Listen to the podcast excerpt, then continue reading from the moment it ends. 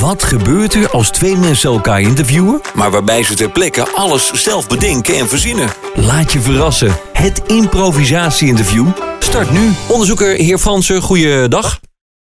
Goedemiddag. 23% van de mensen. Ja, inderdaad, eh, 23% gemiddeld dan. hè. Ja, maar ik, vind dat, ik, ik schrik daarvan. Ja, dat eh, is iets wat eh, in, in onze wetenschappelijke kringen al eigenlijk jaren rondging. Wij dachten dat het eh, eh, 23% eh, zou zijn, inderdaad. En Mhm. dat bleek eh, na onderzoek inderdaad het geval. Het heeft te maken met neuspulken. Hoe heeft u dit onderzocht? Eh, we hebben dit eh, onderzocht eh, door te observeren. We zijn met een aantal geblindeerde busjes de stad ingegaan en hebben daar gewoon met camera's gekeken. En beeldherkenningssoftware heeft er dan voor gezorgd dat wij goed in beeld konden krijgen wanneer de mensen dan echt de vinger in de neus staken.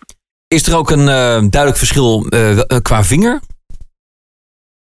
Ehm, nee, dat, is eigenlijk, dat, dat kan een, een, gele, bruine of een blanke vinger zijn. Nee, ja, ik echt, bedoel- eh, Ik bedoel de, de wijsvinger, de pink, de middelvinger. Wat is best pulkbaar? Ehm, nou, dat is internationaal toch eigenlijk vrijwel altijd, eh, altijd de eh, wijsvinger. Ehm, afgewisseld wel met de pink. En dat, dat verhoudt zich ongeveer in een 80-20 eh, verhouding. En er staat hier in het onderzoek dat, dat 4% eh hem wegschiet.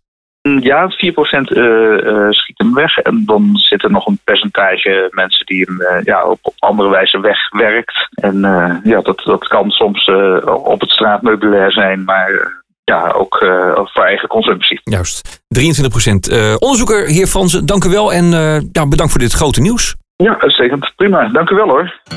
Het improvisatie-interview. Abonneer je gratis via iTunes of Soundcloud. Dan mis je er geen één. Tot de volgende.